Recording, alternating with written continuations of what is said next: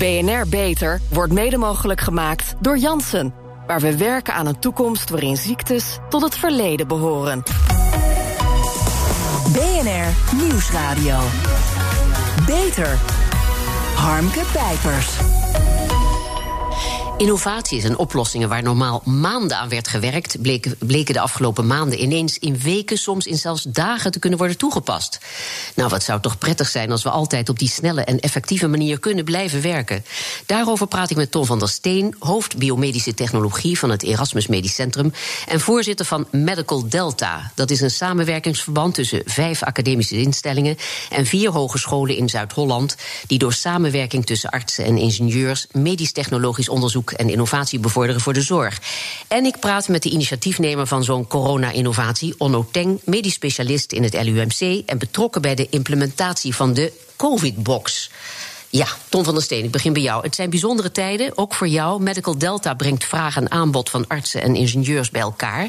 En door de coronacrisis was er ineens heel veel vraag naar, ja, naar wat bijvoorbeeld, wat allemaal, heel veel. Ja, wat we zagen, dat we uh, mid-maart werden we ineens uh, allemaal als onderzoekers naar huis gestuurd door het Erasmus MC. Terwijl de, met name de intensive care artsen die gingen echt overuren draaien, draaien en de virologen. Tegelijkertijd zagen we dat op de TU Delft er gewoon heel veel initiatieven ontstonden om de tekorten die er waren gewoon op te gaan lossen. En het ging met name om beschermingsmiddelen en om uh, beademingsapparatuur. En daar, uh, ja, daar zijn gewoon veel ingenieurs zijn gewoon, en met name ook studenten klinische technologie en technical medicine, zijn gewoon aan de gang gegaan om, ja, om die tekorten op te lossen met ja. zelfgemaakte initiatieven. En wat leverde dat op? Eh, een, een, concreet voorbeeld, concrete voorbeelden? Die zijn er te over. Nou, bijvoorbeeld, uh, bijvoorbeeld uh, was het tekort aan mondkapjes. En mensen van de Technische Universiteit Delft hebben samen met artsen gewoon gekeken welke mondkapjes kan je nou wel steriliseren en welke niet. Dus kan je ze vaker gebruiken. Mm -hmm. Maar wat ik nog veel charmanter vind, is dat. Uh, Jaap Harlaar, dat is de opleidingsdirecteur van klinische technologie en technical medicine. Die zag zich geconfronteerd met het feit dat er 30 studenten die op stage gestuurd waren in het LUMC en in het Erasmus MC, die werden ook ineens naar huis gestuurd. En hij zag op dezelfde avond zag hij een, uh, een uh, Italiaanse intensive care arts een noodkreet doen om te zorgen dat er meer beademingsapparatuur, meer intensive care bedden ter beschikking zouden moeten komen. En ja. dat heeft hij dus gewoon opgelost door in een hele korte tijd, in drie weken tijd, heeft hij gewoon een, uh, een, een noodsbeademingsapparaat ontworpen en ontwikkeld. En daar lag gewoon een prototype na drie weken. Wat vervolgens gewoon heel snel door uh, de regelgevende instanties inderdaad gekeurd is om te zorgen dat het inderdaad uh, toegepast mag gaan worden. Ja, want, want veranderingen en vernieuwingen duren vaak juist enorm lang. He, nu zat er een ja. enorme druk op. Maar uh, die hele bureaucratische molen, die is er ook.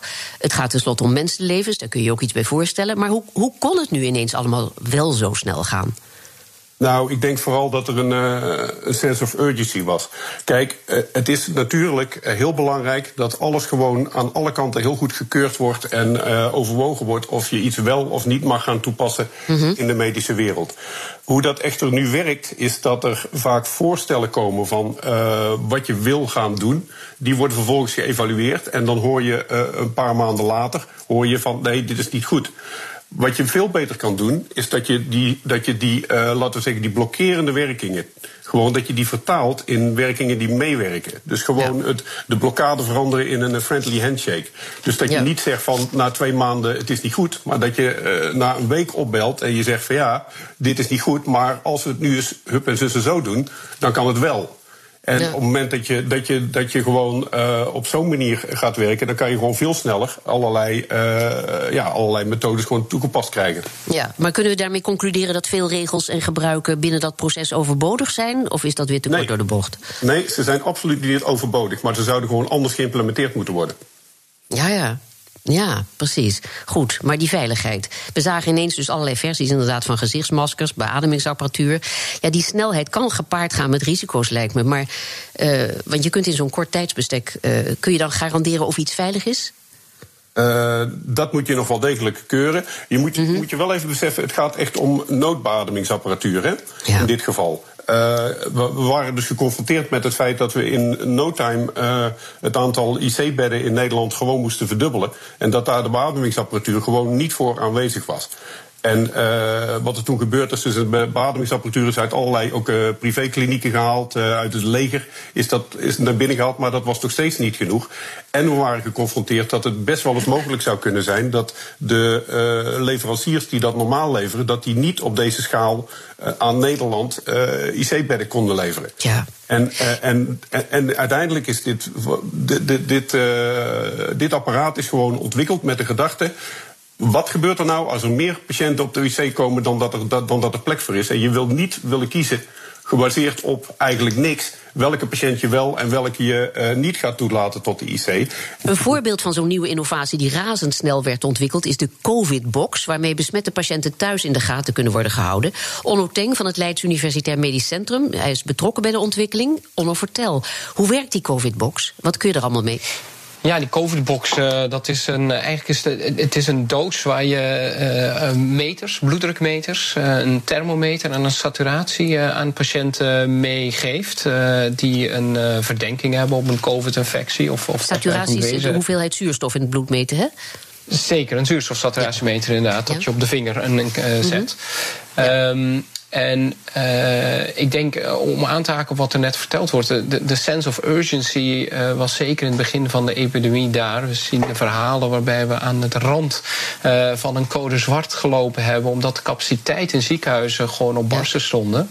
En we hebben toen ja, heel snel bedacht dat een, een, als we patiënten uh, verdenken van een COVID, dan kan die, die ziekte natuurlijk op twee manieren verlopen. Eentje dat je gewoon griep krijgt en thuis uitziekt. Maar soms word je zo ziek dat je in het ziekenhuis opgenomen moet worden. Nou, om dat te vinden, uh, kan je dat met meters aan patiënten thuis geven. Uh, en dat zat in die COVID-box? Dat zat in die COVID-box. Ja, dus en, we kunnen eerder naar concept, thuis. Ja. ja, en dan moet je wel bedenken dat de COVID-box niet al, aan zich uh, niet heel veel doet. Wat wij gedaan hebben is natuurlijk een heel systeem erachter gekoppeld... waardoor uh, zorgverleners vanuit LMC dagelijks contact hebben met uh, de patiënten... en hun metingen doornemen, hun klachten doornemen... en op die manier bepaalden van nou ja, dit, zijn patiënt, dit is een patiënt die nog thuis kan blijven... of dit is een patiënt die echt naar het ziekenhuis moet komen... en die moeten we dan ook opnemen. En zo zet je de capaciteit die je hebt... ja, sorry? De COVID-box is heel snel ontwikkeld, heb ik begrepen. Maar uh, het, het, was een ding wat al uh, bestond. In zekere zin had een andere toepassing. Ja, klopt. Dus uh, het concept van de box met thuismonitoring werd in ons hart-longcentrum uh, en ook in ons niercentrum al uh, gebruikt. waarbij patiënten bijvoorbeeld na een hartinfarct en die ontslaat ze uit het ziekenhuis thuis hun bloeddruk en dergelijke laat, meten, zodat je ze beter in de gaten kunt houden. Omdat dat al drie, vier jaar een, een, een concept is en een idee is wat in het LMC doorontwikkeld is, hebben op, op hun schouders kunnen staan. en hun ervaringen uh, om, om een COVID-box te maken. Ja. Um, nood breekt wet, hè? een mooi voorbeeld van hoe zulke vindingen ineens uh, wel versneld dus kunnen worden toegepast. Maar voor de pandemie uh, had u wellicht andere ervaringen? Ja, nou ja dat, dat, dat, is zeker zo. Ik denk dat uh, los van het sense of urgency je ook een afweging maakt van uh, uh, wat, wat kunnen we nu doen en wat is veilig? En die, en die afweging van veiligheid wordt heel anders in een pandemie. Uh, het gaat inderdaad om menslevens en het gaat om capaciteit. En op dat moment durf je denk ik ook meer risico te nemen. En dat is denk ik een onderdeel van het dat je dat zo snel dan uh, op kan zetten. Ja, maar goed, het zou natuurlijk mooi zijn als we deze snelle en efficiënte manier ook voor de toekomst eh, vast zouden kunnen houden. Is dat mogelijk of kan het alleen maar in de vreselijke rush die deze pandemie met zich meebracht? Ja, het, het, het, is wat, uh, wat net ook gezegd wordt. De implementatie zou wel anders kunnen. Dus wat we nu uh, gedaan hebben, je kan je voorstellen, je stopt een aantal meters in een box en geeft die een patiënt mee. Dan is de eerste vraag die veel mensen stellen: hoe goed zijn die meters? Nou, die vraag hebben we ons natuurlijk ook gesteld. Die hebben kort getest. Maar die testen worden nu achteraf uh, uh, nog uitgebreider uh, gedaan. Zodat we zeker weten dat we de, best, de juiste en goede materialen ook meegeven.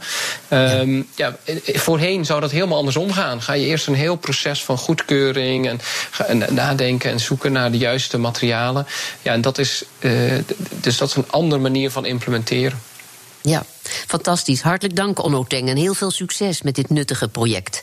Ik ga verder met Ton van der Steen. Ja, waarom, waarom vind je het zo belangrijk, Ton, om deze versnelling vast te houden? Want voor de coronacrisistijd liep het toch ook allemaal best redelijk? Of uh, uh, is daar een heel ander woord voor op van toepassing? nee, dat, het liep best redelijk, maar het kan echt veel beter. Ja. Kijk, we hebben gewoon uh, in Nederland te maken, trouwens wereldwijd, met een uh, dubbele vergrijzing. We krijgen um, steeds meer oudere mensen en we krijgen die op een gegeven moment zorg nodig hebben en steeds minder uh, mensen die voor ze kunnen zorgen. En uh, wij van de Medical Delta denken we dat we dit, dit fenomeen gewoon kunnen beetpakken, dit, dit probleem kunnen oplossen, door mm -hmm. inderdaad veel technologische oplossingen te verzinnen voor duurzame zorg. En ja. dat zit gewoon dwars door, het hele, uh, dwars door de hele maatschappij heen, uh, ook in de, in de zorg gewoon, zowel in de ziekenhuizen als ook gewoon thuis. En uh, ja, het, het helpt gewoon enorm als we gewoon die, die nieuwe technische oplossingen, als we die gewoon snel toegepast kunnen krijgen. En dat we inderdaad ja. niet gewoon uh, hele lange uh, goedkeuringstrajecten door moeten. Ja, maar de mens leert, hè, de mensheid niet. Dat weten we. dat weten we van vorige crisis. De meeste problemen worden niet voorkomen, maar pas opgelost op het moment dat ze er zijn. Getuigen dus ook deze coronacrisis, waar virologen toch al lang voor hebben gewaarschuwd. De overheid heeft een korte termijnvisie van hooguit vier jaar. Straks is de urgentie weg. Ja, hoe zorgen we er dan voor dat we niet terugvallen in de oude routines? Gaat het lukken? Ik, uh, ik hoop het. Ik moet ook zeggen dat uh, het ministerie van VWS heeft uh, tot dusverre een redelijk defensieve houding ten opzichte van, van technische van medische technologie. Um, op dit moment zijn zij een agenda aan het maken voor die medische mm -hmm. technologie, van wat we daarmee moeten in Nederland. En daar is wel degelijk gewoon een uh, sterk, uh, sterke consultering van de achterban vindt plaats. En ik hoop dus dat ze inderdaad in die agenda gewoon ervoor zorgen dat we, dat we van defensief naar offensief gaan. Bedoelende gewoon niet zorgen dat er vooral niks misgaat, maar vooral zorgen dat er wel dingen goed gaan. BNR Nieuwsradio. Beter. Harmke Pijpers. Medical Delta heeft als ambitie om iedereen in Nederland tegen 2040 vijf extra gezonde levensjaren te bieden. Tja, dan moet er niet nog een pandemie tussenkomen. Hoe krijg je dat voor elkaar? Daarover praat ik met Ton van der Steen, voorzitter van Medical Delta en hoofd biomedische technologie van het Erasmus Medisch Centrum. Ja, de coronacrisis heeft het zorgstelsel enorm onder druk gezet. Ineens werd zichtbaar hoe begrensd de zorg en het personeel is. Dat blijft voorlopig ook zo, vooral met de vergrijzing. Dus wordt de oplossing nu gezocht in de technologie. Is technologie alleen voldoende om straks aan de zorgbehoeften te voldoen? Gaan robots en thuismonitoring er bijvoorbeeld voor zorgen dat er geen arts of handen aan het bed meer nodig zijn? Tom van der Steen? Nee, het is absoluut alleen uh, voldoende, maar het gaat wel degelijk gewoon hard helpen. Om mm -hmm. ook bijvoorbeeld uh, goed te bepalen welke handen uh, naar een bed te moeten en waar het ook best anders kan. Kijk, um, die coronacrisis die doet gewoon een paar dingen die de goede kant op gaan en een paar dingen die de verkeerde kant op gaan. Wat uh, mij grote zorgen baart, is dat uiteindelijk om de maatschappij gezond te houden, om de mensen gezond te houden, dien je ze gewoon uh, sociaal en uh, professioneel actief te houden. En wat we nu zien, dat is met name met uh, oudere en kwetsbare mensen, die worden gewoon achter de graniums gezet. Wat gewoon mm -hmm. helemaal de verkeerde kant op is, eigenlijk. Um, maar wat er wel goed aan is, is dat er bijvoorbeeld nu dus duidelijk wordt dat je heel makkelijk kan uh, telemonitoren. Ik bedoel, de hele wereld uh, zoomt en skypt zich te pletter. Waar -hmm. hiervoor we altijd vonden dat we echt bij elkaar konden komen. Ik ben er overigens van overtuigd dat bij elkaar komen veel beter is. Maar voor veel medische handelingen, voor veel consulten, kan je het net goed thuis doen. En ja, dan heb je gewoon een veel uh, geringere belasting, zowel van het uh, zorgstelsel als van uh, de, de patiënt. Maar voor de innovaties hè, waar we het over hebben, is natuurlijk veel meer nodig dan alleen medische kennis. Hè. Dit gaat over het snijvlak tussen medische en technische wetenschappen. Jij bent ingenieur en al tig jaar aan het werk in een medische omgeving. Spreken artsen en ingenieurs voldoende elkaars taal? Bijvoorbeeld door jou toedoen, onder andere? Vertel. Nou, ik wou zeggen, traditioneel is dat duidelijk, een, uh, duidelijk wel een probleem. Je hebt een taal, je hebt ook een tempoverschil, je hebt een andere cultuur waarin je werkt.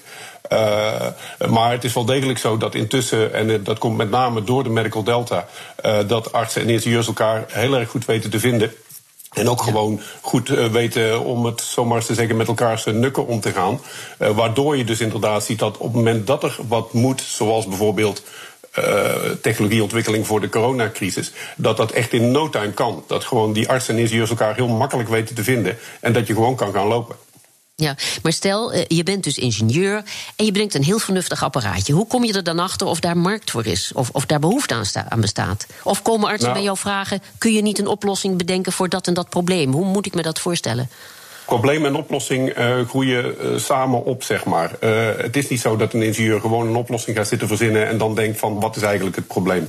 En het is ook niet zo dat een arts een probleem heeft en die vraagt heb je hier een oplossing voor. Je werkt gewoon samen, je gaat in communicatie en je komt er gewoon achter dat voor zekere problemen die een arts heeft, dat er gewoon technische oplossingen voor zijn. En die ga je dan ook weer samen met die arts, samen met de eindgebruiker ontwikkelen. Op het moment dat je een ingenieur iets gewoon alleen laat doen, dan gaat er vast iets heel erg leuks uitkomen. Maar de kans dat dat daadwerkelijk toegepast gaat worden, is gewoon heel erg klein. Op het moment dat je een arts gewoon vraagt van uh, welk probleem wil je opgelost hebben, zonder verdere in, uh, invloed van een ingenieur, dan gaat die oplossing er ook niet komen. Je moet het echt gewoon samen doen. Ja. Preventie is natuurlijk een heel belangrijk onderwerp. Hè. Er is ook steeds meer aandacht voor. Uh, welke rol speelt de techniek daarin? Ook een hele belangrijke rol? Uh, jazeker, uh, preventie. Er zit uh, ook binnen de Medical Delta hebben we een, gewoon een programma, bijvoorbeeld e-health en self-management, waarin we gewoon patiënten zichzelf laten monitoren. Maar ook gewoon waar je dus gewoon apps hebt waarmee je je gezondheid kan bijhouden. Dat zijn gewoon wat zaken. Maar ook bijvoorbeeld het voorbeeld van de, van de box die we net hadden. Dat is dan niet zozeer echt primary prevention, zoals ze dat noemen. de patiënt heeft al wat gehad. Maar je kan ook gewoon verzinnen dat je gewoon patiënten in de gaten houdt. En op een gegeven moment dat er wat uit de hand aan het lopen is, dat je ze dan uh, wel oproept om langs te laten komen. Ja, preventie krijgt uh, steeds meer uh, belangstelling. En dat, dat zei ik al. Maar ja, kosten gaan voor de baat uit. En dat inzicht, daar heeft het altijd nogal aan ontbroken. Want de opbrengst van een verbeterde leefstijl, minder ziekteuitval, minder zorgkosten, die komen tenslotte ten goede aan de hele maatschappij. Dus zouden die investeringskosten, die natuurlijk wel gemaakt moeten worden, zouden die dan ook niet maatschappij breed gedragen moeten worden? En betekent dat niet dat het hele systeem op de schop moet? Hoe zie je dat? Het is een veelomvattende vraag, ik weet het. Ja, dit is inderdaad een veel omvattende vraag. Um, ja. Kijk, het, uh, het vergoedingssysteem uh, van verzekeringen is gewoon gebaseerd op handelingen. Op het moment dat een arts iets doet, krijgt hij wat vergoed.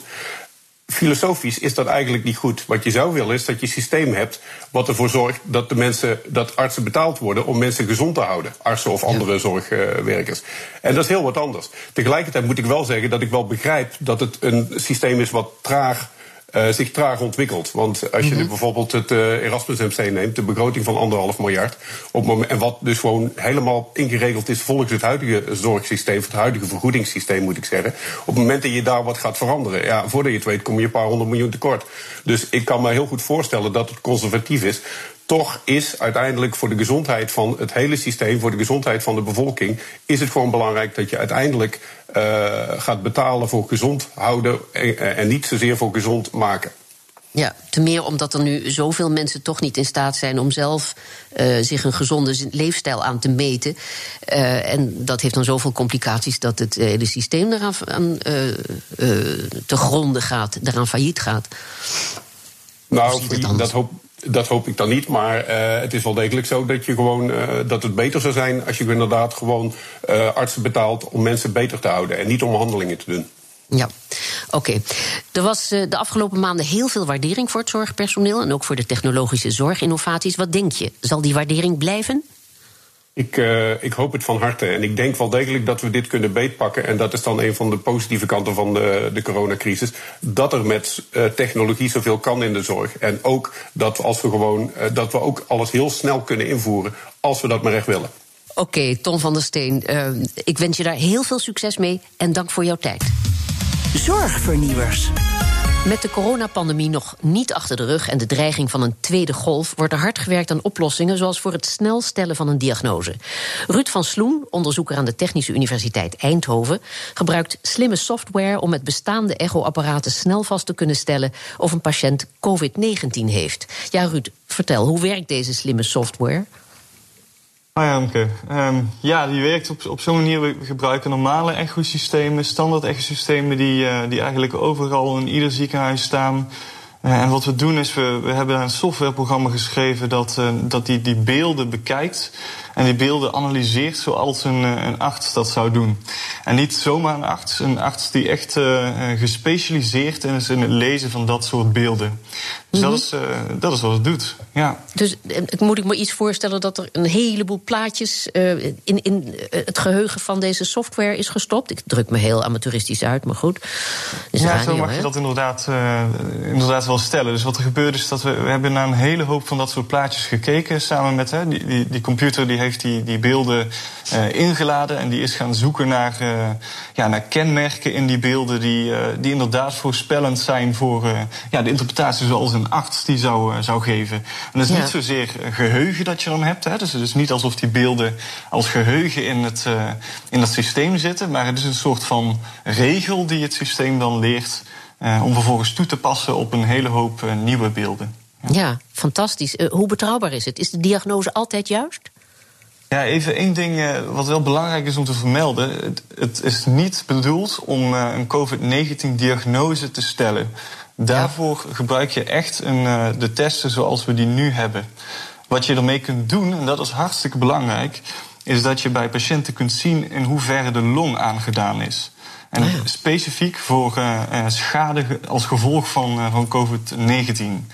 En ja. dat is ontzettend belangrijk, want op basis daarvan kun je vervolgens uh, beslissingen nemen. Hè, triage doen en beslissen of een patiënt uh, die binnenkomt op de spoedeisende hulp, of die door moet naar de, uh, misschien wel naar de beademing op de IC, of dat hij in thuisisolatie ja. best wel kan zitten. Ja. En, en waarom kiezen jullie voor een echo en niet zoals tot nu toe voor een CT-scan?